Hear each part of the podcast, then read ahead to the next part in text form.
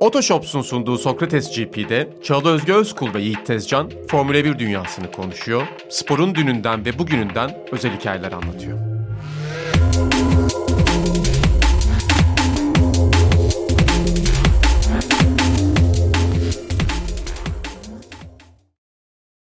Herkese merhaba. Sokrates GP'nin yeni ve son bölümüyle bu sezon için karşınızdayız. Sevgili Yiğit Tezcan yine karşımda ve Sencer Yücel bizimle beraber tüm ekip toplandık. Şöyle bir sezon sohbeti yapacağız. Herkese de merhaba. Merhaba. Bir, bir dizinin son bölümü falan gibi oldu böyle. Sezon bir finali midir? Oldu. Evet final oldu. Anturaj'ın final bölümünde çok üzülmüştüm ben. Arkadaşlarım gidiyor ve beni bırakıyor gibi hissetmiş. Ben en sevdiğim dizi Evet. odur. Antraj mıdır en sevdiğin dizi? Arkadaşlık bağı kurdum çünkü. Yani o hisler açısından benim de Hawaii Meteor Mother olabilir. Ha, onun da son bölümü şey oldu. evet. Ben onu mesela kaç dörde kadar falan izledim. Sonuna kadar izlemedim ama iyi diziydi o da. Ben izlemiştim sonra bir daha izledim falan. Severim yani. Ben de Anturaj'ı izlerim. Sıkıldıkça Anturaj izlerim yani. Hala da gülerim. Belki de bizi dinleyenler de sıkıldıkça bizi dinlerler. Ve bugün bize Tekrar, veda tekrar, ettikleri için onlar da hüzünleniyorlardır. Evet. Ama merak etmeyin bu kısa bir ara. Yeni sezonda zaten birlikte olacağız. Sohbete geçmeden önce sezon boyunca bize eşlik eden Otoshops'un duyurusundan bahsetmek isterim.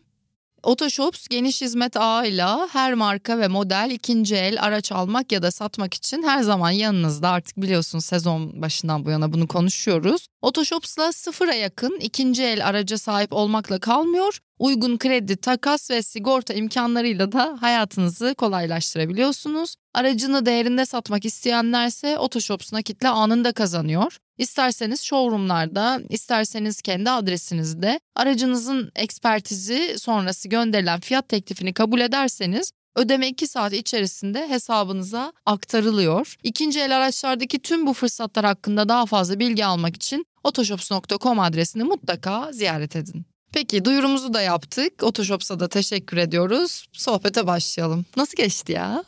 Sezon mu? Evet. Yani iyi geçti. Benim gibi düzen kaçtı bir insan için bir sene boyunca düzenli bir şekilde geçen yılda yapmıştım nispeten ama bu sene tam bir düzen ve profesyonellik içinde Formula 1'i takip edip onu aktarmak insanlara iyiydi. Yoruldum ve sıkıldım Hayatını oldu. bir düzene soktuk diyebilir miyiz? Formula Yani 1 ve biz. Formula 1 evet siz hep birlikte Allah razı olsun.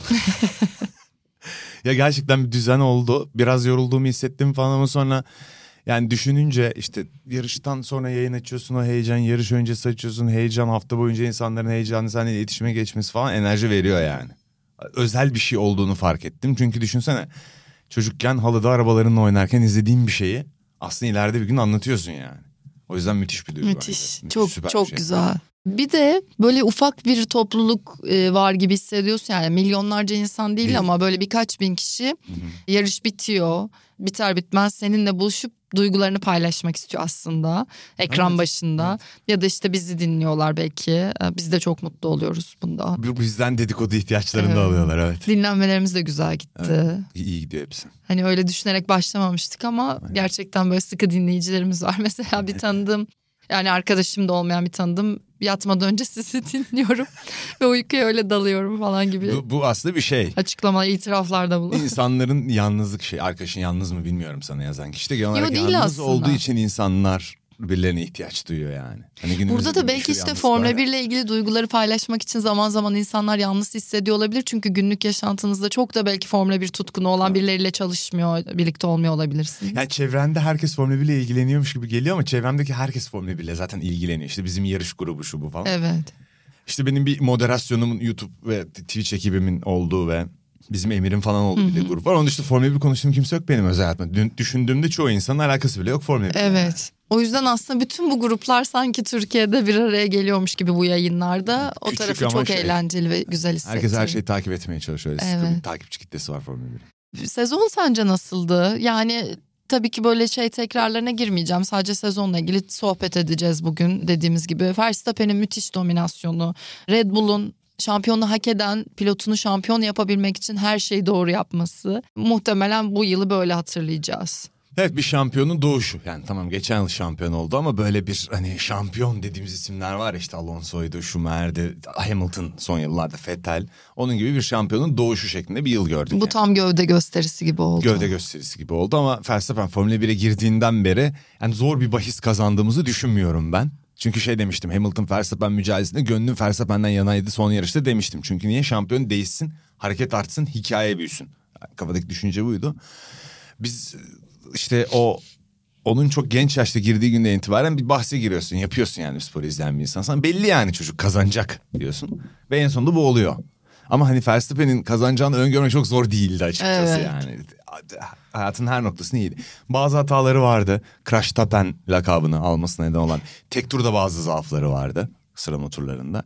Bunları yıl içinde giderdi. Lastik korumada çok iyi oldu. Yarış temposunu idare etmedi. Çok iyi oldu derken tam böyle e, kendi kendine... Komple bir paket pakete, oldu. Yenilmez armada gibi bir şeye dönüştü kendi kendine yani. O enteresan bu değişimi görmek her zaman zevk.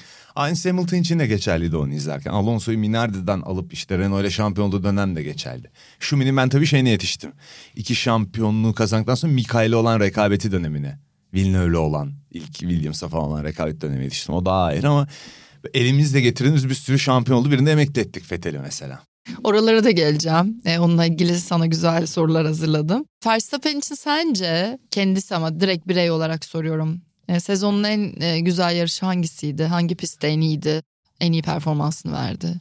Yani Spa'da çok baskındı ama otomobilde çok iyiydi. Macaristan'da çok iyiydi. Macaristan. Evet. Macaristan'da Benim oyun. Macaristan'dan yana. En korkutucu tarafı genel olarak zaten 10 üzerinden 8 8.5'un altında kendi kapasitesi içinde 8'in altında bir yarış yapmıyor olması. Hiç.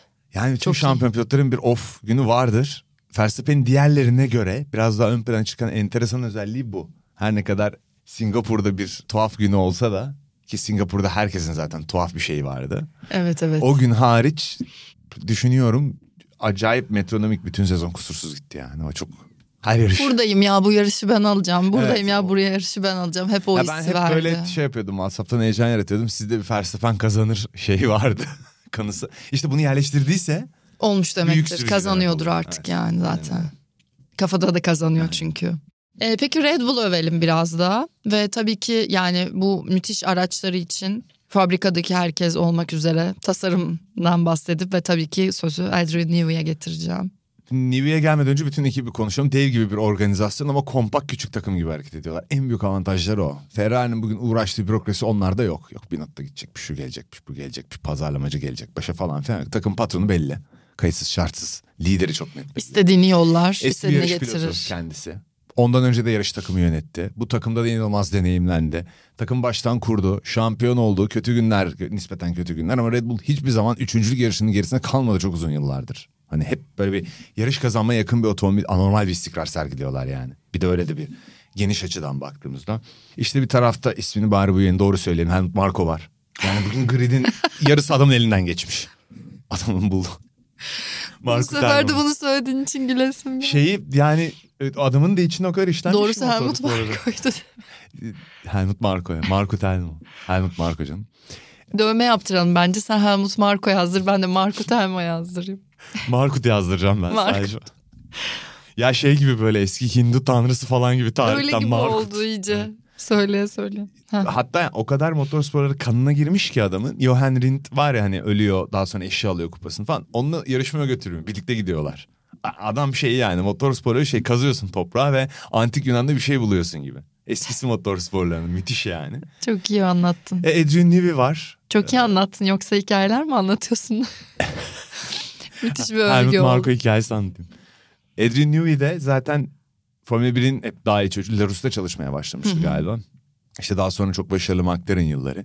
Çok başarılı olmayan McLaren yılları da oldu. Otomobillerinin dayanıklı olmadığı dönemlerde olduğunu da söyleyeyim. Şimdi biz de hep bir son 3 yılda çok başarılı olmaya şey yapıyoruz ya. Ama her zaman tepe tasarımcı Adrian Newey'di. Yani arada Mercedes'in kazandığı dönemde aksi söylenir Yani ama kötü şeyler çıktığında da o vardı diyorsun. Nispeten kötü en iyi şeyler tasarımcı kim diye sor. Sokak Formula 1 izleyen birini çevre Adrian Newey der. Ve bu 20 yıllık 25 yıla yayılmış bir gelenek. İlk çıktığında daha iyi çocuktu. 90'ların sonunda o e, Mercedes'ler McLaren'ları yaptığında Schumillen'en daha iyi çocuktu. İşte sonra oradan Red Bull'a gitti bilmem ne falan filan.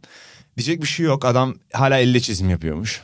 Ve Bu dün- işte biliyorsun ki beni acayip alacak bir şey ya. Değil mi? Evet. Yani- Beni çok yani ben bilmiyordum bunu işte birkaç ay önce galiba bir yerde öğrendim ya da sen mi söyledin belki sen bahsetmişsindir. Olabilir. Bilmiyorum. Hatırlamıyorum. Yani ama bu çok açıklanabilir bir şey değil bir de biliyor musun? Yani çok mantıklı bir şey değil bu. Yani romantizmini yapmak güzel de. Hani bunu yapabilmesi olağanüstü. Ben şuna inanıyorum. Bir Formula 1 otomobil tasarlandığında dünkü yayında da biz işte kalabalık Ma ile bir yayın yaptık ya birlikte. Evet. Mali'ye söyledim beni niye almadınız diye. Sen iste yeter ki dedi ya. Başım Seneye dedi beraber yaparız dedi. Hep birlikte yapalım. Tabii. Toplanmışsınız dördünüz. Seni ben de oradan yayın yapabilirim. Kesin bir söz vermeyeyim. Herkes bir girip çıkar artık benim yayına. Ay, evet, evet. El sallayıp gider herkes. Ne diyorduk? Ha, Newey'nin bunu yapabilmesi olağanüstü bir şey. Bugün bir Formula 1 otomobilini tasarlıyorsun ya işte bu Computational Fluid Dynamics konuşuluyor hep rüzgar tüneli konuşuluyor. Biz de şey anlatıyoruz hep lastik asfalta değene kadar o minimal değişimleri görene kadar ve lastik yanan esneme payı şusu busu bunları hesaplayamıyorlar. Otomobilin ne olduğunu bilmiyorsun diyoruz ya kağıt üstündeki yani. Orada bence bir güdüsel kısım devreye giriyor. Sadece bir matematik hesaplaması değil, aerodinamiği iyi bilmek değil. Bu güdüsel kısımda bu yer etkili otomobillerde işte sene başında olan bütün o dalgalanma problemlerini falan katarsan bence öyle bir dokunuşu var onun. Yani gerçeğe döndüğünde piste çıktığında ne olabileceğine dair sezgisi Güdüsel, de mi daha sezgisel. Hah, sezgisel çok güzel kelime. Aynen tam olarak sezgisel bir ustalığı var onun. Bence artık yıllarca bu işi yapmanın verdiği yani. Çünkü Ferrari hızlı otomobili yaptı. Sezonun içinde otomobilin gerilemesi geri gitti. Hani buna o değişen dalgalanma otomobilin yüksekliğiyle ilgili bir kural getirdi ya. Evet. Onun da etkisi var ama ne olursa olsun otomobil geriye gitti. Orada çok usta mühendisler var yani. Muhteşem Tabii. adamlar, mü- müthiş tasarımcılar var yani Ferrari'de de, elinde de. Yani bir de bir tasarımcı yapmıyor. Kocaman bir kadro var yani onun için bir ekip var. Ama öyle düşündüğümüzde onun ben gridi kalanından ayıran özel bir şey oldu, dokunuş olduğunu düşünüyorum. Yani pilot performansı en iyi. Araç tasarımı en iyi, en verimli. Operasyonel anlamda da Skandalı buna en en iyi. iyi. İzlenirlik açısından en başarılı takımı yılın her açıdan yani. Kesinlikle son En bölümde bombayı da yani. patlattılar gerçekten. En doyurucu takımı yani. Evet. Stratejileri en iyi. En iyi. Herhalde en çok konuştuğumuz insanlardan biri de Hannah Hannah Schmidt, Schmidt evet. oldu. Hannah Schmidt. Schmidt, Schmidt. Schmidt. Bir de Zabine Schmitz var. Rahmetli oldu kanserden. Nürburgring'in kraliçesi olarak alınır. İnanılmaz iyi bir yarış pilotuydu. O orman pisti var ya 24 saatlik yarışın yapıldı. İkisi karışmasın. İki Schmitz var yani motorsporlarında büyük isim. Ee, burada bahsettiğimiz Hannah Schmidt. Evet. Ve müthiş bir sezon geçirdiler gerçekten. Şimdi konuyu sıcak da bir durum olduğu Tamam. için Ferrari ve Binotto'yu getireceğim. Hem böyle sezonu nasıl geçirdi bu çocuklar ve bu araç hem de bu Binotto mevzusu e, yani ne olacak, nereye gidecek, gitmeli miydi, gitmemeli miydi? Süreç gideceğine dair bir sinyal verirken ne hissediyordun, gittiğinde ne hissettin veda ettiğinde? Sence ben sana soruyla başlıyorum. Formula 1 izliyorsun merak çok sıkı takip ediyorsun. Binotto'nun görevden ayrılması sence doğru karar mı? Değil bence. Görmüyorlar brofisti yaptık burada. Değil. Yani daha doğrusu olabilir yani bir sorumlu kesilmeli. Büyük bir kurumsal yapıdan bahsediyoruz. Bir sorumlu olacak biri alacak. Sorunların çözümü bu değil ama. O manada söylüyorum. Evet yani bence bu dereceye gelene kadar şimdi tabii ki içeride çok detaylı yaşananları hiçbirimiz bilmemekle beraber e, çok önemli bir değişim olsaydı da bilirdik. Ya bunları yapmadan bunları denemeden e, bir sonuca gidilmesini genel olarak doğru bulmuyorum ve ayrıca benzer süreçleri Ferrari zaten yaşadı ve bir sonuç alamadı ve hayatta da biraz sabra ve tahammüle inanırım ve öyle olması gerektiğini düşünürüm. Fakat bir yandan da baskılar ve artık onu mental olarak yönetememeye başlamalar e, o bence süreci biraz keskinleştirdi gibi. Ama içerideki dinamikleri çok bilmiyoruz ama Ferrari olduğu için de biraz tahmin edebiliyoruz. Birçok insan faturanın Inaki Rueda'ya kesilmesi gerektiğini söylüyor. 2014'te baş strateji şefi olarak geldi katıldı takıma. Sporting direktörü şu anda takımın. E, stratejiyle alakalı kararlarda herkes onu suçluyor. Benim şimdi şöyle bir teorim var. Ne düşünüyorsun ha? Yani Binotto'nun yetkisinin ne olduğunu merak ediyorum ben takım içinde. Ben Tamam, bilemiyoruz dediğim şey buydu. Herkes yazıyor Twitter'da. Alabiliyor mu mesela Evet, o çok adamı kolay orada? yani. Twitter'da herkes yazıyor. Takım patronu görevi onun yanlış adamı bilmem ne yönetmek, kovmak etmek. Kim kimi kolluyor bilemezsin büyük kurumsal yapılarda. Çünkü tamam o takımın başındaysa da diğer adamların rolü de çok büyük. Ferrari Evet. Formula 1 takımı içinde. Senelerdir oralarda olan bir şekilde bağlantıları kuvvetli insanlar. Ya bir sürü insan var orada. Evet. çok eski ama bu onun birinin ayağını kaydırmak istedi. Yani komple teorisi kurmuyorum ama zannettiğimizden çok daha karışık bir yapı var ortada ve ne olup bittiğini tam olarak biz bilmiyoruz. Yani şey açıklaması bana yetmiyor. Şöyle öyle söyleyeyim. E, Binotto iyi bir lider değil. Doğru adamları yerinden almıyor. ipleri sıkı tutmuyor. Bunlarda Akdeniz e, tembelliği var. İşte Binotto böyle bir açıklama kabul edilebilir değil yani. Bu tarz bir yaklaşım kabul edilir değil. Şu an hafif bir kalp krizi geçiriyorum Akdeniz kısmında. Yani bunlar hiç dışarıdan anlaşılamayacak şeyler bence. Ya Çok bir- özür dilerim. İtalyan aksaklı olduğunu konuştuk daha önceden. Bu var. Bunu biliyoruz. Yıllar kanıtladı. Bu da ama kurumsal bir akış olabilir yani insanlardan bağımsız. E, sen hep söylüyorsun ya biraz daha internasyonel bir duruma geçseler belki daha iyi olacak diye. Bu belki baştan da yapılabilir yani başı takım patronunu değiştirerek. Fakat mesela bana bu stratejiyle ilgili yani oradan sorumlu kişiyle ilgili e, bir yere işaret etmen şöyle doğru geliyor.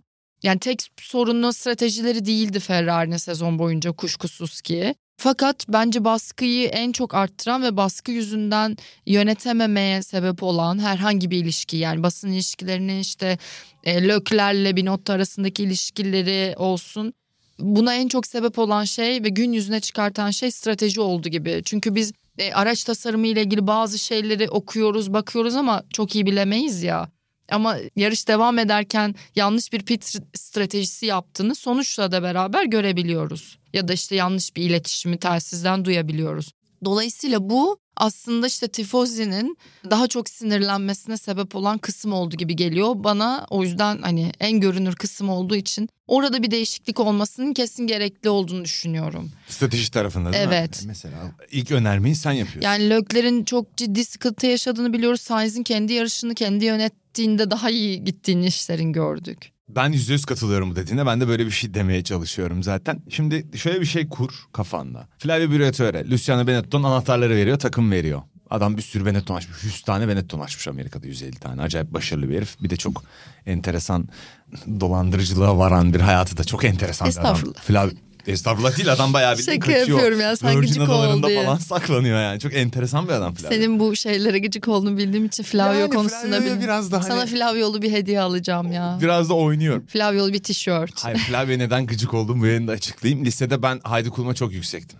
Aha, Çok beğenirdim. ya onu bak, terk etti bebeğiyle. Hep böyle falan. şeylerin altından böyle Haydi şeyler Kulum çıkar. hayranlığı çıktı. Çok sever. Görüyor çok musun Sencer? aynen.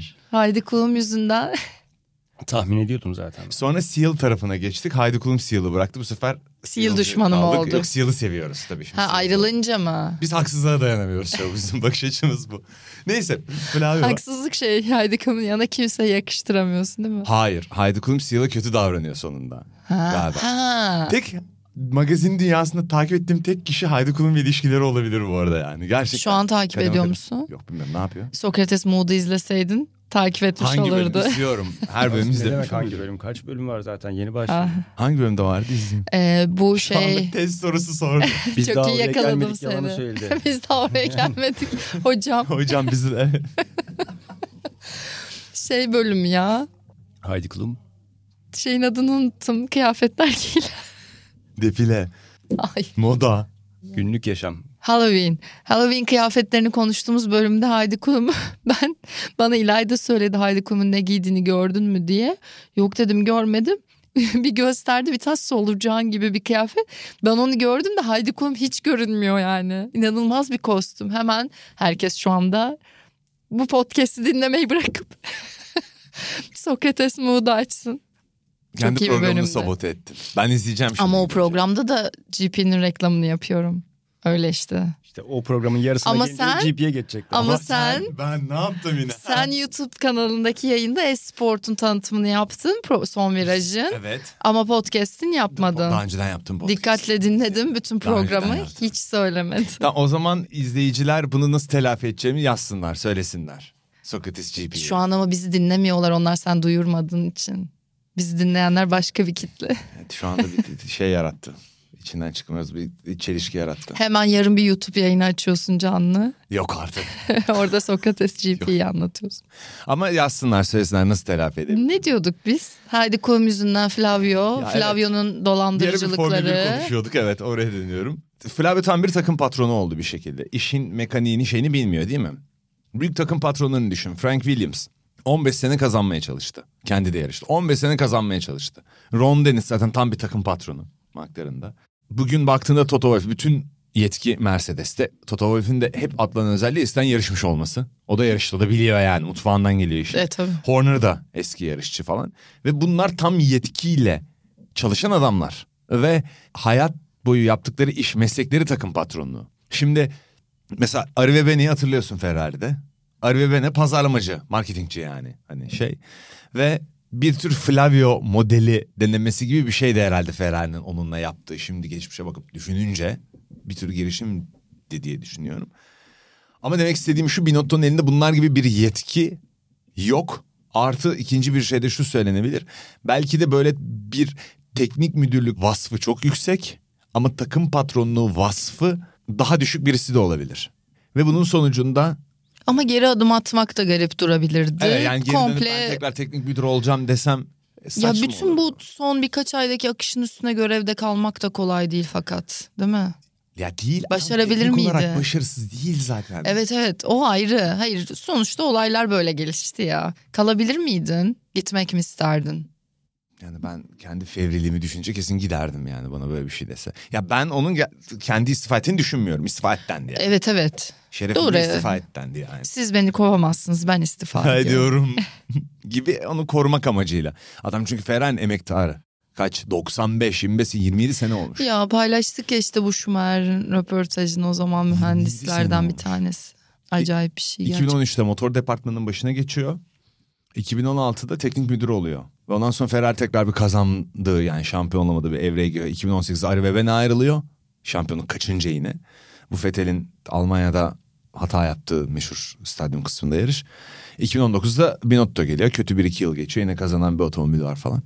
Yani Bilmiyorum 2019 sonrası da çok bence kızılacak durumda değil yani. Arada pandemi var vesaire. Bu sene de aslında rekabetçi bir araç yaptılar. Sonra elbette sıkıntılar oldu. Bir süre daha gidilebilirdi diye düşünüyorum ama ben zaten böyle bir romantiyim.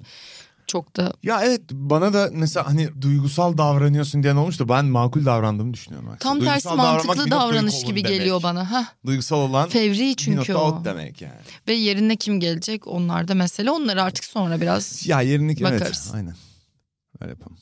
Şimdi Mercedes diyelim biraz da o zaman. Sezonun son bölümünde yani ikinci bölümünde hatta belki de biraz daha toparladılar. Yani tasarımla ilgili sorunlar, işte bütçe vesaire geliştirmeye dair sorunun tam ne olduğunu doğru tespit edemeden bir geliştirme aşamasına girmemek için e, direnmek ki bu çok doğal artık yeni sistemin içinde. Biraz geç kalındı bazı şeyler için. Fakat herhalde sezonun açık ara belki de en dayanıklı araçlarından biri Ve en iyi olduğunu. gelişim gösteren otomobillerinden birisiydi. Evet.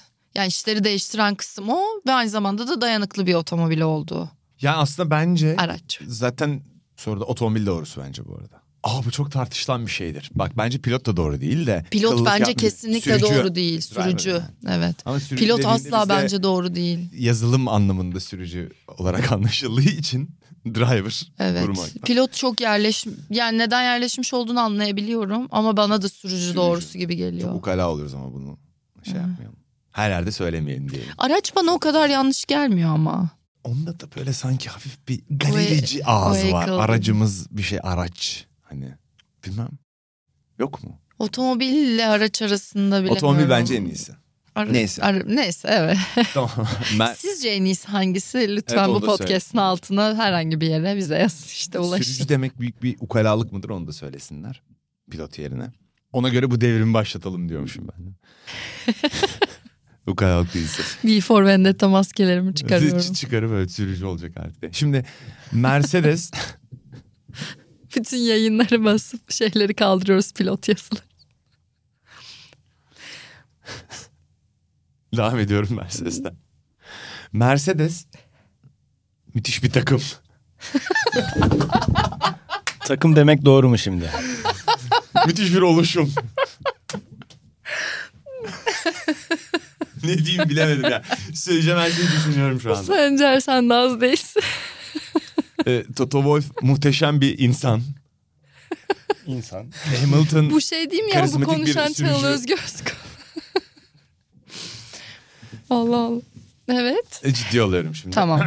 Ee, bu kısım güzeldi bence atmayalım ve Yok kalsın kalıyor kalıyor lütfen. canım. Bütün rezilliğimi üstleniyorum bu kısımdaki. Gözümden yaş gel. Şimdi Mercedes tekrar giriyor. Bence en büyük kazanımları bu sene gösterdikleri geri dönüştü. Yani sene başındaki performansın ardından çözülen bir takım değil. Hala gridin en iyisi hani organizasyonel anlamda en güçlüsü Red Bull. Nasıl oldu sence bu? Nasıl oldu? Güzel bir soru. Bir kere bu tasarım ilk çıktığında hepimiz birbirimize atıp aa Mercedes hani yeni çağın ve yer etkisinin hilesini buldu demiştik. Müdürümüz geldi. Sokrates Podcast ve Videocast'in yayın yönetmeni Canereler şu an camdan bize bazı işaretler yapıyor. Beni bugün parmakla gösterip bu çocuğu bitireceğim dedi. Korkmalı mıyım? Ve son bölüm. Muhtemelen. Hem de son bölüm. İnanılmaz. Seneye o zaman Sencer ikimiz mi yapıyoruz bana çünkü böyle bir şey söylemedi. Evet belki yokum yani. Haberleşiriz yine.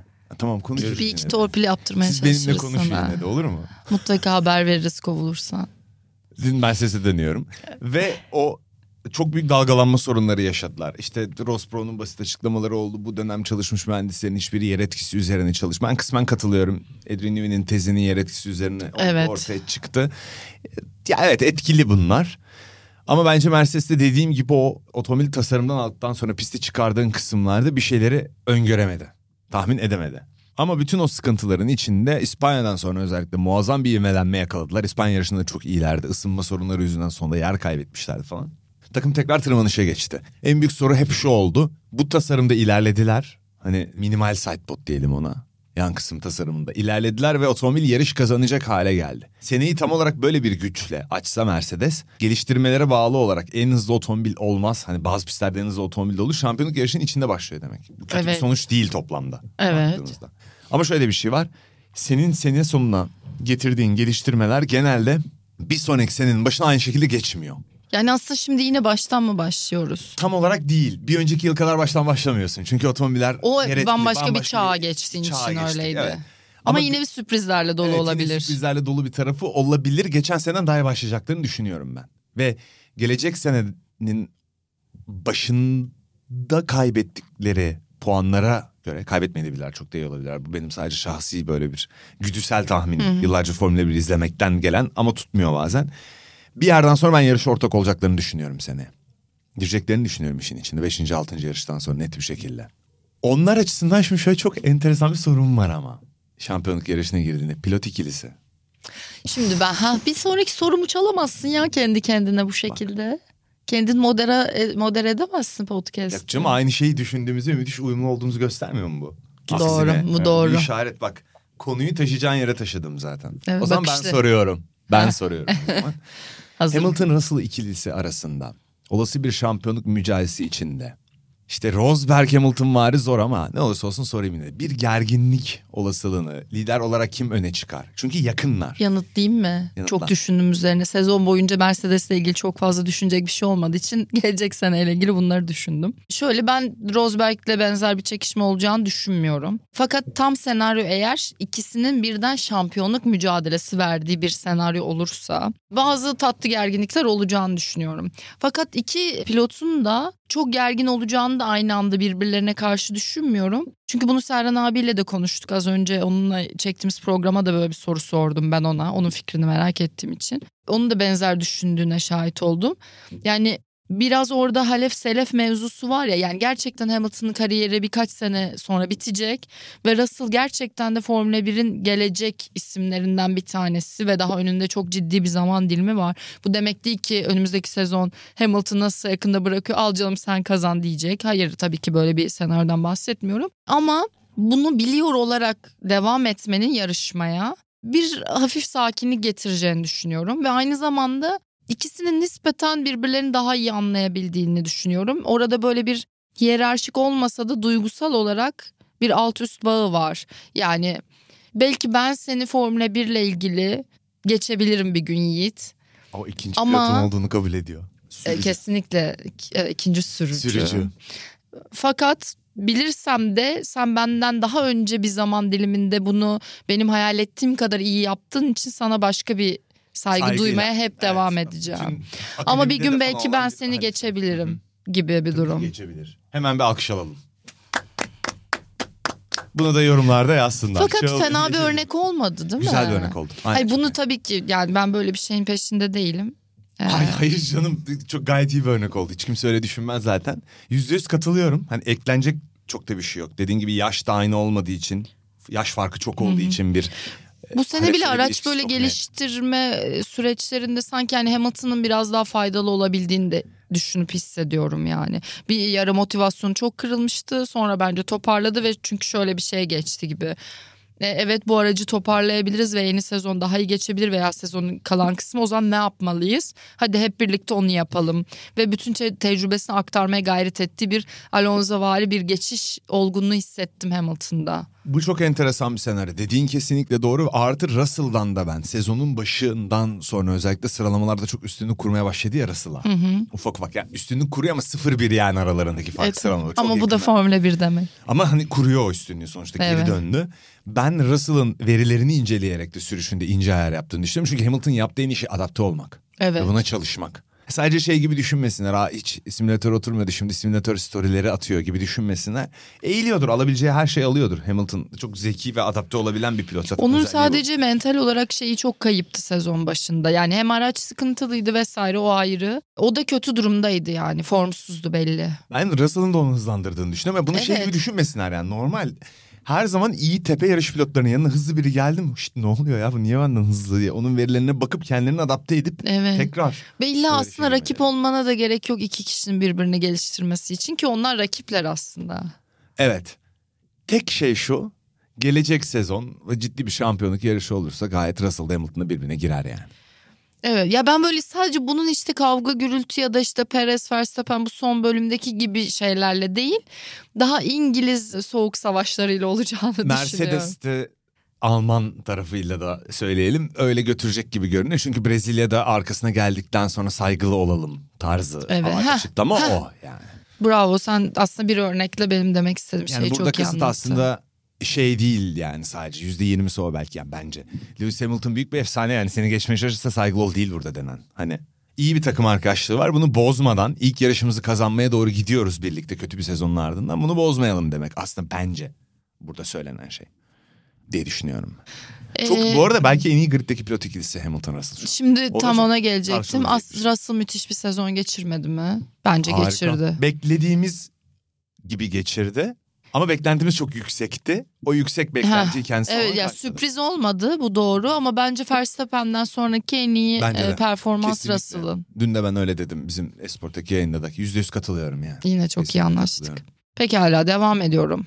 Şimdi araya şöyle gireceğim. Bunu atlamak istemediğim için. Sezonun en üzücü anı, olayı vesaire bir şey var mı kafanda? Benim çünkü var. Hmm. Ya böyle oturup inanılmaz bir analiz yapmadım ama bir anda aklıma o geldi dün hazırlarken programı. Yani son yarış o kadar üzücülükte sen daha orijinal bir şey söyleyeceksin sanırım. İşte Vettel, Mick Schumacher'in yapmaya çalıştığı Donat'a kızmaları onun. O Çünkü o da ayrılıyor bir yandan. O da dramatik bir şey. Bunlar geliyor. Buna yakın bir şey söyleyecektim, Ne- evet. Nedir hangisi? Alonso ile Hamilton'ın yarışı tamamlayamaması ya. Vettel'le beraber akran yarışçılar Evet, olarak o yarış. vedayı beraber yapacaklardı. Adam yalnız kaldı ya ona bir tık üzüldüm yani. De hem Alonso hem Hamilton'ın yani Mercedes'in doğru düzgün şeyi yok DNF'i yok. Sezon boyunca nasıl denk geldi yani Alonso'nun başına bu sene sezon çok şey geldi ama O zaten bahtsız bedevi yani. O. Gerçekten 500 puan kaybetti bu sene. çok çok puan kaybetti gerçekten ve son yarışta da şeyde gördük biz basın toplantılarında Hamilton'la Vettel'in nasıl bir barış ilan ettiğini çekiştikten sonra yıllarca aslında iki büyük rakibin. Sen bunu ama seziyordun ve biz seninle bunu konuşuyorduk. Hep öyle oluyor çünkü. Hayattaki duruşları da bir yerde vermek istedikleri mesajları veriş yolları değil ama aslında aynı mesajları vermek istiyor oluşları sebebiyle bence zaten pandemiden beri bu iki pilot biraz daha yakındı birbirine. Kesinlikle. Bir de ikisi de yani Vettel hedeften uzaklaşmış oldu otomobili yüzünden. E şimdi Hamilton da bu yıl aslında hedeften uzaklaşınca bir de bir de kader ortaklığı da oldu. Evet. Ama bak ben sana şöyle bir iddiada bulunayım. Yıllar geçti Verstappen bıraktı. Beş dünya şampiyonluğu. Üç bıraktı. Atıyorum birbirlerine dışarıdan Formula 1'de bir rolleri olur mu bilmiyorum ama dışarıdan verdikleri demeçlerde bile arkadaş olmasalar bile ikisi Hamilton'la Verstappen birbirlerini desteklediklerini göreceksin yani. Ben şu anda bile bu arada öyle hissediyorum. Neden? Yani çünkü yaşanabilecek en saçma şeylerden birini yaşadılar geçen sezonun En finalinde. aslında. Şimdi gerçekçi olalım. Uzun yıllardır gördük. Ve en yani ikili o. bu bir gerçekten bir bir dakikaya sığdırıldı bu gerginlik. Yani bir sezonda şampiyonluk bir dakikadaki o olayla belli oldu ve bu iki insan birbirine düşmedi. Yani direkt olarak birbirlerini işaret ederek hiçbir zaman birbirlerine saldırmadılar. Bu bayağı bir şey anlatıyor bence. Çünkü ne olursa Aksini çok olsun gördük. Kökünden gelen, ölümüne yarışmadan gelen bir saygı var birbirine. Ya o, o sporun böyle nasıl diyeyim sana kemiklerine işlemiş artık. Evet. 94'te seninle Imola'da ölmeden önce inşallah bunu ağlamadan konuşabiliriz. Prost yayında radyodan şey diyor. Bağlanıyorlar ona güzel dostumuz Alan'a da buradan selamlar diyor yani. Ölmeden 3 tur önce. Bunlar iki adam şey kan davalı. Bir yemekte buluştu ya bunlar. 70'lerdeki pilot mantığını düşün abi. Birbiri, millet birbirinin karavanıyla yolculuk ediyor. Herkes birbiriyle süper arkadaş. İşte Hunt mesela Ronnie Peters'ın ölümünden sorumlu tuttuğu için aslında bütün motivasyonu kaybettiği Evet, anlatılır. O evet. kazaya startta karıştığı için. Bu adamlar ölüyorlar. Ya bu insanlar birbirlerini bizim onlar hakkında konuştuğumuzdan çok daha iyi biliyorlar Hiç ve öyle şey anlıyorlar. duyguları yok yok. Empati Verstappen'in daha iç çok kuruyorlar. dünyasında Hamilton'a bir saygı duyduğuna ben adım gibi eminim. Ben de öyle tahmin ediyorum. Ama yenmek için de ona duyduğun saygıyı Hamilton en iyidir diyerek göstermezsin. Cebe koyup devam edersin. Cebe koyup devam edersin. Sert bir şeyler de söylersin onun hakkında. Hamilton da aynı şekilde o küçük çocuğa tırnak içinde söylüyorum genç adama yerini göstermek ister. Ters şeyler söylerler ama taraftarlarının şey yaptığı gibi duygu olduğunu düşünmüyorum. Ben de. Çünkü Yemek çok güzel olmadı mı peki? Hamilton ayarlamış onu da. Ödemiş. Tamam abi. ödemiş. Masadan kalkıp Ya organizasyon da yapmış galiba. Ödemeyi de o yapmış. Yani Ya ödemek onlar için çok bir mesele zaten. değildir de. Bu her şeyi anlatıyor. Hani biz Alonso'nun Hamilton'la olan kişisel hukukundan, onun kazanan otomobillerde olması, onun olmamasından doğan şeyi. Alonso da kabulleniyor. Yani bunda onun böyle bir liderliğini oradaki şeyde abiliğini yok kabullenmeyen. Ama Alonso'nunkini de Ama işte. Vettel ile Hamilton'ı yine bir tık ay- ayırmak isterim burada. Çünkü onların şu an e, pist dışında yapmaya çalıştıkları şeyler var ve bunlar aynı tabanda birleşiyorlar. İşte iklim kriziyle ilgili mücadeleden olsun, işte Amerika'daki haklarla ilgili, eşit yaşamla ilgili olsun. E, benzer duruşa yani beraber diz çöktüler yan yana. Daha pandemi devam ederken oldu bunlar.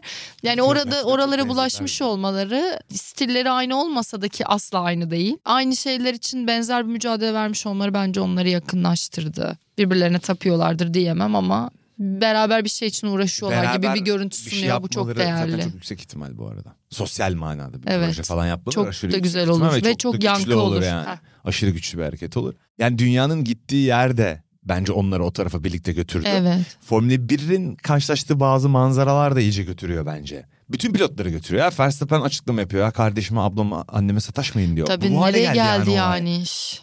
Rezalet. Ve bu yüzden bence evet. Dediğin kesinlikle doğru. Alfa Romeo tatlı sezon geçirdiler geçen sezona bakınca özellikle. Yani iki sezonunu teraziye Son koyduğunda. sezonun yarısı ve Bottas'ın tamamen poposuna odaklı geçirdiği yarım sezon dışında iyiydi. Ama sen Bottas konusunda ne olursa olsun haklı çıkmış oldun. Oldum ilk sezonu. Yani geliştirme yapamayacaklarını bilemedim. Bottas'ın salacağını ikinci yarısında bu kadar bilemedim. Ama yine de düşünsene sonucun Sene değişmedi. başında çok iyilerdi. Evet. Ve Alfa Romeo için yine başarı yani şampiyonayı o noktada bitirmek. İşte kaç puan aldılar toplam? 50 küsür Hemen puan bakayım, aldılar? altıncı bitirdiler. 6. bitirdiler 50 mi? 49 55. Bottas aldı galiba 6 Joe mu almış? 55 şey hemen bir saniye bakıyorum. Bottas 49. Tamam 6 da Joe almış. Joe 6 evet 55'ler. Yani Joe da biraz şeye kurban gitti. Otomobilin daha iyi olduğu kısımda o iyi değildi. İkinci yarı Bottas'la makas daraldı. Peki iyi bir sezon geçirmedi mi ya bence gayet iyi bir sezon İyi bir geçirdi sezon Guanyu. geçirdi.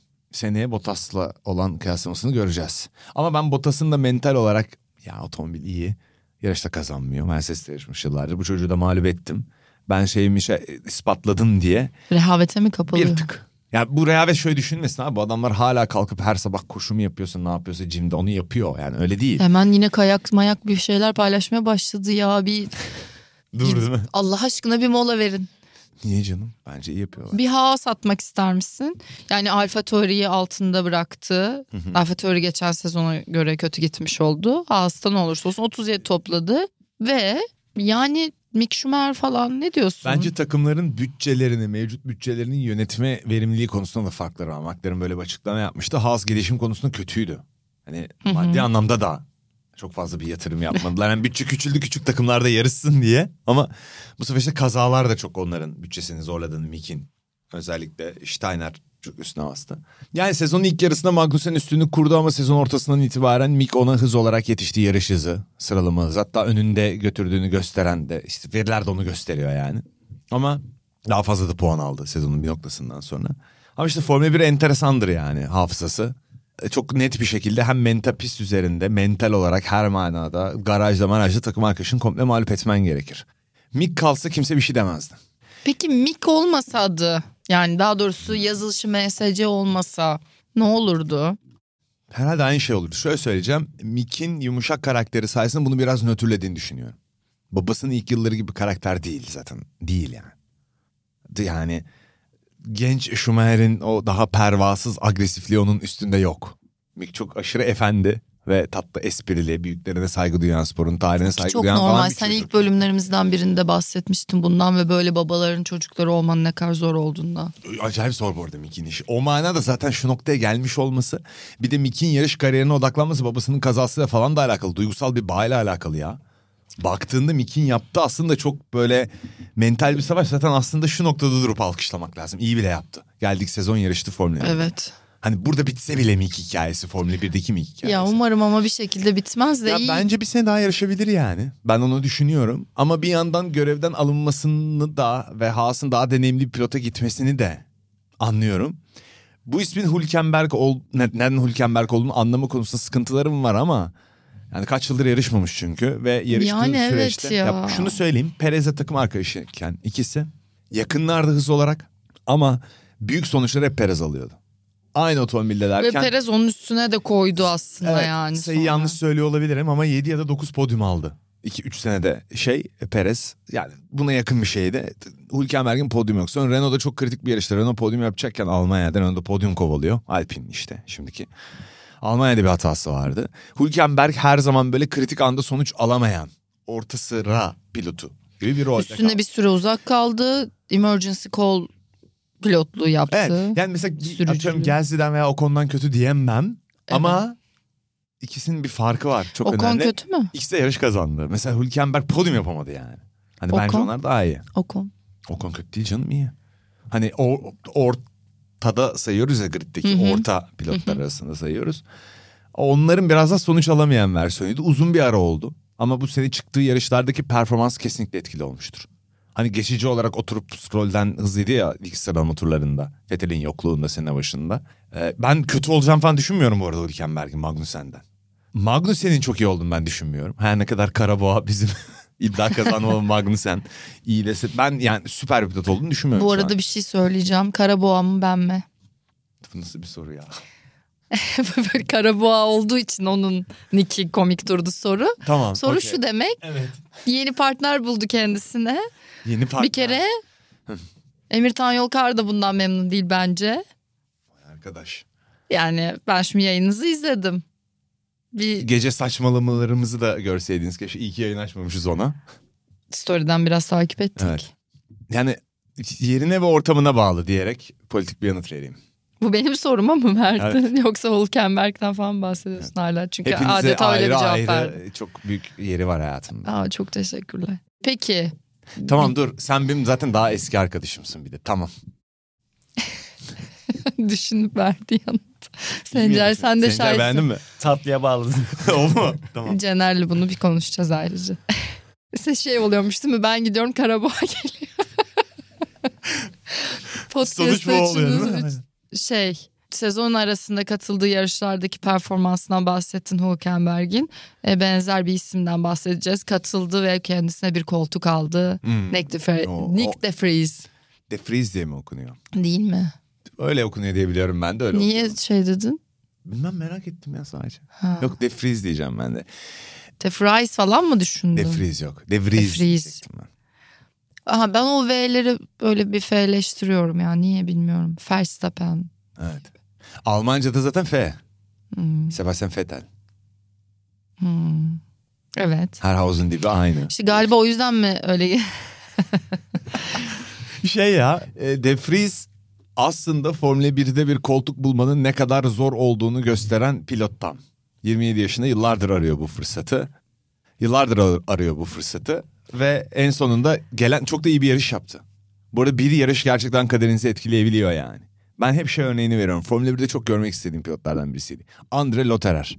Porsche'nin tepe pilotu var ya evet biliyorum. Sen zaten sık sık bahsediyorsun. inanılmaz hızlıydı. Onun böyle gecelerde saniyeler çaldığı yarışları falan var Le Mans'da. Çok iyi bir pilottu. Formula 1 bir hafta sonu yarıştı işte. Ericsson'lu galiba takmak. Emin değilim tam. Bu Caterham Lotus o takımlardan birindeydi arkadaki takımlardan. Ve işte bir buçuk saniye mi ne fark attı takmak işte bir saniye sıra bir daha yarışmadı. Zaten arkadaki takımda yani yarışta yapabileceği bir şey yok. Yani anlık olarak o kadar etkiliyor ki şeyin. De Vries, Hep onu düşünüyorum işte yani yetenek zaten cepte başarı Ya için de- ama yani yer, mekan, zaman, hayat her şey Kimsenin zamanlama ya. kaçırmak istemem ama yani Formula 1'de yarışmış birçok insana iyi bir pilot benim gözümde Tom Christensen. İşte 9 kere Le Mans kazandı. Bir Formula 1 yarışı yok yani. Ha benim gözümde Tom Christensen daha büyük kahraman yani dediğim işte Kevin Estre yani GT sürüyor mesela birçok Formula 1 pilotundan daha büyük kahraman yani Tanımıyorum. biz biraz Formula 1 deyince e, çok tek buymuş gibi sporda bakıyoruz ama atıyorum Hamilton bir GT otomobiline oturdu. Ayancan'a karşı yarıştı. Ayancan kusuruma bakmasın bu kıyaslama yaptığım için GT otomobiline oturdu. Hızlı olacağı kesin ama Ayancan'ı yener diyemem yani. Anlatabildim ayrı disiplinler yani. Evet evet. E, Kimse- ama o yüzden de aslında insanların hepsiyle ilgili bilgi sahibi olması çok zor. Yani ben de bilmiyorum mesela. Ama işte- Estre'yi tanımıyorum mesela. Ya Esteri'yi bilmek zorunda değilsin tabii. Ya kimseyi bilmek zorunda değilsin Formula 1 izleyicisi olarak ama hani bunun genel bir branş olduğunu ve buraya gelmenin Motor sporları aslında bizim konuştuğumuz şey Formula 1 değil. Biz motor sporlarının bir dalını konuşuyoruz. Biz Ha. Premier konuşuyoruz mesela aslında futbolda. Tam aklımdan bu arada o geçiyordu. Ve işte o yüzden dedim ya her şey biraz zamanlama işte ne yapacaksın ne kadar vazgeçebiliyorsun ne kadar para ayırabiliyorsun bu süreci devam ettirmeye falan. Yani o kadar çok etken var ki Formula 1'de olmak için. Sadece dünyanın en iyi sürücüleri değiller yani. En doğru zamanda en doğru şeyleri yapabilmiş ya da işte alanını tamamen Formula 1 üzerine kurgulamış olmakla alakalı. Dediğin çok doğru. Şu an ham yetenek de yetmiyor. Eskiden James Hunt kendi otomobilini yapıyor gidiyor bilmem ne. 20 yaşında yarışmaya başlamış adamlar. Bir ara 14-15'te. Şimdi öyle bir dünya yok. Sen 5-6 yaşından beri Formula 1'e yönelik gitmezsen anormal bir ham yeteneğin olsa bile Formula 1 gibi E, bir şeye de tabii. katılamıyorsun yani. Bunu Ayhancan'ın e, kariyeriyle ilgili çalışırken de seninle konuşmuştuk yani. Başka yani şeyleri çok konuştuğumuz için artık açıkçası ben üstüne konuşmayalım dedim Ricardo vesaire. Yani sezon akışında performansını defalarca değerlendirdik. Çok da bir heyecan yarattığını düşünmüyorum şu anda durumun. Red Bull'la beraber bakalım bulabilecek mi ara sıra kendine yer. Başka Piastri olayını çok konuştuk. Çok konuşuldu bence. Aynen geçelim. Var mı böyle benim unuttum senin konuşalım Zapnoyer'in dediğin? müthiş açıklaması var. Son onu konuştuk mu bilmiyorum. Aslında o kadar iyi olmayabilirdi Piastri. Saçmaladın. Hani bari sus denen an vardır ya. Saçmaladın bari susun devamı olarak bile Piastri o kadar da iyi olmayabilirdi zaten diyerek. Bence tam bir hem kaybeden hem çirkef. En kötü Evet şey. en sevmediğim Kazanan şey. çirkef olsan iyi yani yine. Kaybeden Kesin. çirkef oldu. Peki sezonun en sevdiğin yarışı? Silverstone. Benim de. Çünkü herkes içindeydi. Mercedesler geri döndü falan müthişti. Sonra bir de Sainz kazandı. Sonunda senin tabii en sevdiğin Evet, yarışın olması normal. evet. Siz yayında şey Zavallı konuştunuz ya. Sezonun en yakışıklı pilotu seçtiniz Sainz. Ayıptır ya. Kim yakışıklı en yakışıklı? Kesinlikle Sainz. Tamam. Onun için değil ama yani bu çocuk aynı zamanda başarılı. Ben referansımı senden alıyorum yakışıklılıkta bu arada. Arkadaşlar çıl- Doğru kim yerdesin. yakışıklı derse onu o yakışıklıymış. Kariyerin pek öyle görünmese de doğru yerdesin. Ne demek ya? Yani her zaman Sainz'la karşılaşmıyorsun gerçek yaşamda. Ne tabii. Başarılı bu arada. Sainz şu anlamda başarılı özellikle. Aslında bu underrated bir direndi konu. ve yer aldı bir kendine. Evet yani. Ferrari de yerini edindi. Dünkü programda da söyledim. sezonun ilk bölümlerinde senle burada bunu konuştuk. Ben Sainz iyi olacak dedim ve ikinci pilot olarak hemen atılmaması gerektiğini söyledim. Ve bu konuda da hakkımı verilmesini isterim. Bence Sainz de senin hakkını vermeli. Uzak coğrafyalardan, egzotik Türkiye'den olağanüstü bir destek aldı yani. E, Çağla Özgü Özkul olmasaydı Sainz bu sezonu çevirebilir miydi? Ya muhtemelen çevirirdi ama yine de sen Yine bilirsin. de öyle düşünelim. Ya, bu arada haklı çıktın gerçekten evet. Tekrar dengeyi kurdu. Şimdi bu çok büyük de bir tartışma yaratıyor. Leclerc'in fo- Ferrari'deki pozisyonu bir kesim diyor ki Ri- lider rolünde olsa tam anlamıyla daha çok efektif olabilir. İşte Binotto ile araları kötüydü. Vasseur gelecek. Üvey Valla babası ben de bu konuda gibi. çok aradayım. Yani Leclerc birinci pilot ilan edilseydi daha başarılı olabilirdi. Ya da Leclerc birinci pilot kadar iyi olsaydı zaten birinci pilot gibi ilan Peki edilirdi. stop. Ferrari patronu oldun. Bir pilota bahis oynaman gerekecek olsa hangi pilotunu seçerdin? Leclerc. Evet. Ama Sainz da o kadar kapıyı aşındırıyor Sainz çok ki. özür dilerim ama. Sainz kapıyı aşındırıyor. Carlos. Lo siento. Lo siento ne demek? Üzgünüm. Başka ne diyebiliyorsun? İsmail Hoca. Yani bir sürü şey diyebiliyorum çünkü yaklaşık iki sene İspanyolca eğitim almıştım. Ama burada şimdi söylemek istemem. Allah utanırım. Allah ya neler çıkıyor ya. Bilinmeyenlerin e, ortaya çıktığı bir egzotik Türkiye diyarından bir science severin İspanyolca bildiğini de öğrendik bugün. Ya şu an pek konuşamıyorum artık 10 sene oldu çünkü. Lo Unuttum. siento. Hiç konuşmadığım için unuttum. Mektup arkadaşı. ben sürekli Ferrari Carlos Sainz'e şey İspanyolca mektuplar yazıyorum şunu mu Ferrari adresini alıp. Bir şey yapıyor musun bir de? Mesela mektubu da böyle öpüp şey izi oluyormuş anladın mı? Dudak izi rujla falan filan böyle imzalıyor musun? İyice biraz? abartın. Ben de 34 yaşındayım sonuçta. Tabii canım sadece bir şakaydı. Ee? Korktum ha demin. Yok ya şaka Yüz yapıyorum. ifadem olsa kamera olsa yani. Olacak. Olacak evet öyle görünüyor. Okey. Leclerc Sainz tamamla istersen ben çok araya Ya girdim. bence tamamladık yok. Tamamladık. Ben şeyi söyleyeyim. Yani bu sene ki Formula 1 ben şunu sormak istiyorum aslında sana. Formula 1'in işte Liberty Media geldikten sonra değiştiğini, geldiği noktada daha duyarlı hassas olduğunu, bazen ikiyüzlü davrandığını, pist üstü konuları o kadar konuştum ki bunu söyleyeyim. Ee, sosyal medyada olanları biliyorsun Alpine bir tepki verdi. Verstappen bir tepki verdi. Red Bull bir tepki verdi. Ee, Formula 1'in gittiği yönde hani seyircileriyle birlikte kendini sunmasın. Bu sezon çok skandal da yaşandı. Evet. Ya mesela Avrupa yarışlarında orta yaşlı, sarhoş, çok tehlikeli, toksik bir topluluktur burada. Yani biz hep Türkiye'yi gömüyoruz bazı konularda da Avrupa'nın da çok gömülecek şey tarafları var. Bir sarhoş bir fanatik bir şey topluluğu çıktı ortaya mesela. Alkol, misojinist işte kadınlara tribünden Evet, evet. Çok, çok enteresan şeyler göründü ya. Ha, duyarın da ben ucunu kaçırdığını düşünüyorum Formula 1'in. Dürüstçe burada söyleyeyim abarttıklarını. O ve... şov ama işte Evet, ya- gerçek değil zaten. Ama o da bir kutup yaratıyor işte. Tehlikeli aslında. Her düşüncenin aşırısı tehlikelidir ya. E, ama Makul yani toplumsal haklarla ilgili düşüncelerin Ya evet. aşırısı yoktur zaten Onun bence ya. de aşırısı yok. Evet. Yani Sunumun aşırısı vardır ama. Aslında. ya bazı şeyleri de belki görmüyorduk ve görüyoruz. Keşke görmeseydik gibi geliyor bana yani. Belki bazı şeyler hep böyledir de bu kadar detaylı bilmiyorduk. İşte bunu- Ya da klavyeleri yoktu ya da işte bu kadar çok kamera açısı yoktu vesaire vesaire gibi şeyler. Eskiden yoktu böyle şeyler diye biz hep tartışıyoruz eskiden Formula 1 izleyenlerle. Ya belki işte vardı bilmiyorduk yani insanların evde e, ne tempoda yarış izlediklerini bilmiyorduk. Şimdi yazabildikleri için Ross biliyoruz. Brown'un lafını duydun değil mi? Ya aslında bu bir gaf Formula 1'in geldiği noktayı gösteriyor bence. Artık ben de Formula 1'i evimde oturup işte kanepemde sinirlenerek ve küfrederek izleyebileceğim. Körs. Formula 1... Kör, kör, körs. Kör- Evet. Formula 1 bu imajda bir şey değildi yani.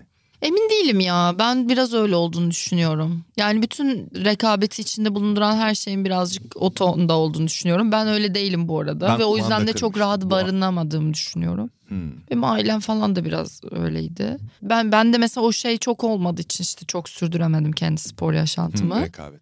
Ne zaman koşu yarışı yapacağız? Valla ben şu anda gerçekten 15 günde bir falan koşuya çıkabildiğim için her seferinde baştan başlıyorum. 100 metre falan gibi mi? Evet. Kısa mesafede iyiyimdir. Kısa değil misin? Yani ya şu anda böyle 3,5 kilometre falan gibi koşuyorum onlar. Üç e, buçuk iyi canım. yani Ben işte de dört ama beş koşuyorum. iyi koştuğum zamanlarda sporculuk zamanında kısa mesafede bayağı iyiydim. Vay be. Diyerek artık yavaş yavaş E, toplayalım bu. Koşu saçma yarışına konulardan sonra. biz, Evet. Ya çok güzel oldu. Keşke daha çok sohbet edebilseydik. Ee, ama daha da uzatmayalım bence. Evet bir buruk oluyor şu an böyle buruk yap. Silverstone'u seçtik. Başka böyle hani ya enlemeler yapmadım. Zaten biraz öyle gibi aktığımız Hayır, için. ben- İstiyor musun enlemek? Yok. Sence sezonun en iyi pilotu kim? En iyi pilotu. Evet. Sence? Verstappen bence. Sence düşünebilirsiniz. sezonun en yakışıklı pilotu kim? Onu ilk bölümlerden birinde yapmıştık da hangisi hangisini unuttum. Noktalıyorum. İyi ki varsınız. Bizim açımızdan çok güzel geçti. Umuyorum bizi dinleyenler de e, hoşlanmıştır sezonun akışında onlara eşlik etmemizden. Özleyeceğiz. Görüşmek üzere. Görüşmek üzere. Bu bir veda değil. Sadece kısa bir ara. Evet. Tekrar Ama buluşacağız. bazen aralar da vedalar olur biliyorsunuz. You never know. Şüphede bıraktım bizi dinleyenler. Yok canım. Seneye devam yok, ediyoruz. yok buluşacağız. Yeni Aynen. sezonda beraberiz. Görüşmek üzere. Hoşçakalın. Otoshops Sokrates GP'yi sundu.